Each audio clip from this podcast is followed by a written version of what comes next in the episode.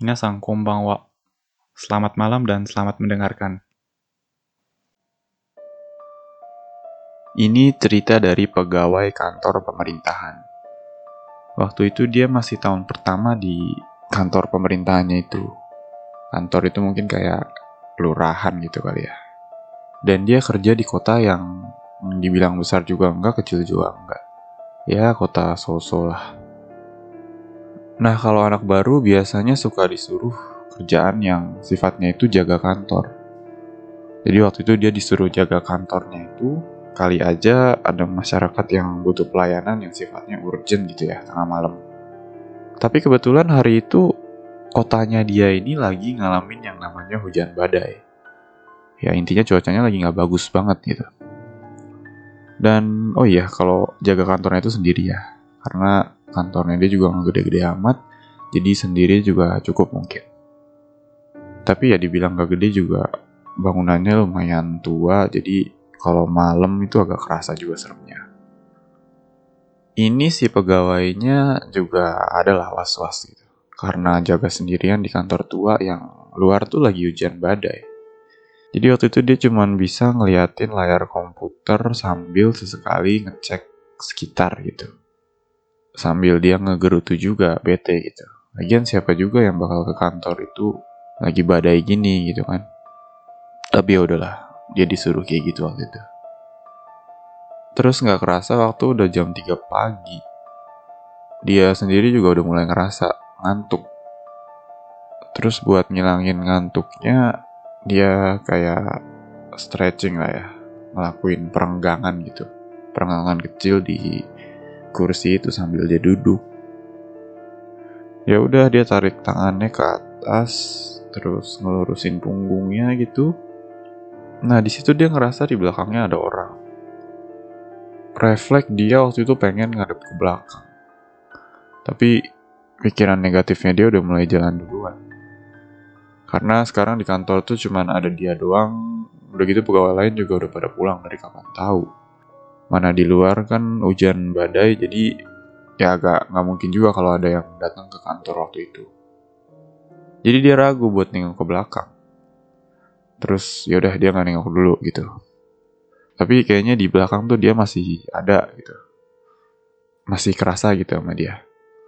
Apa jangan-jangan beneran ada yang datang? Tapi kalau misalnya ada ya pegawai yang datang lebih cepat juga biasanya jam 6 gitu. Udah datang sih tapi itu masih jam 3 pagi kan. Di lain sisi karena masih jam 3 pagi jadi kalau misalnya yang di belakang tuh dibiarin ya itu bikin gak nyaman juga. Dia harus ngebiarin itu sampai jam 6 itu bukan ide yang bagus kali ya. Akhirnya dia pelan-pelan ngeliat ke belakang. Pelan-pelan gitu. Pelan-pelan kelihatan ada bangku-bangku kosong gitu ya. Ruangan kantor itu terus pelan-pelan kelihatan juga ada layar komputer. Itu semua gelap. Ya karena komputer yang nyala di ruangan itu cuman komputernya dia doang. Terus lama-lama mulai kelihatan dinding belakang yang ada jendelanya gitu. Nah di balik jendela sana tuh ada lorong. Lorong panjang gelap gitu. Serem sih pemandangan yang dia lihat waktu itu. Tapi dia jadi yakin kalau emang gak ada orang di situ. Gak ada yang datang karena ya dia nggak ngeliat siapa-siapa. Tapi perasaannya dia kayaknya yang tadi itu misalnya ada, itu ada di balik jendela sana gitu. Di bagian lorong panjang yang gelap itu, itu orang tadi lagi diem di situ. Kalau feelingnya dia. Ya udah beberapa detik dia ngeliatin lorongnya itu terus. Dia pastiin kalau di situ nggak ada orang. Sampai dia ngerasa capek ya udah dia balik lagi ke layar komputernya dia. Nah baru balik, dia ngerasain lagi kalau dari belakang sana ada orang. Udah gitu, sekarang dia bisa ngerasa kalau orangnya itu lagi ngeliatin ke arahnya dia. Terus dia langsung nengok lagi tuh ke belakang. Gak ada siapa-siapa. Terus dia lihat ke layar lagi, terus dia ngerasain lagi ada yang di belakang. Nah terus dia nengok lagi, gak ada siapa-siapa lagi. Udah gitu aja terus sampai belasan kali. Nah di sini si pegawainya itu lama-lama ngerasa kayak dimainin. Dia kesel. Dia bilang kalau gue nggak tahu lu siapa, mau orang atau bukan, gue bakal cari tahu siapa lu. Kayak gitu. Nah kali ini waktu dia mau ngeliat ke belakang, dia ngasih gerakan tipuan dulu gitu. Kayak set nggak jadi, nah terus habis itu baru dia nengok ke belakang.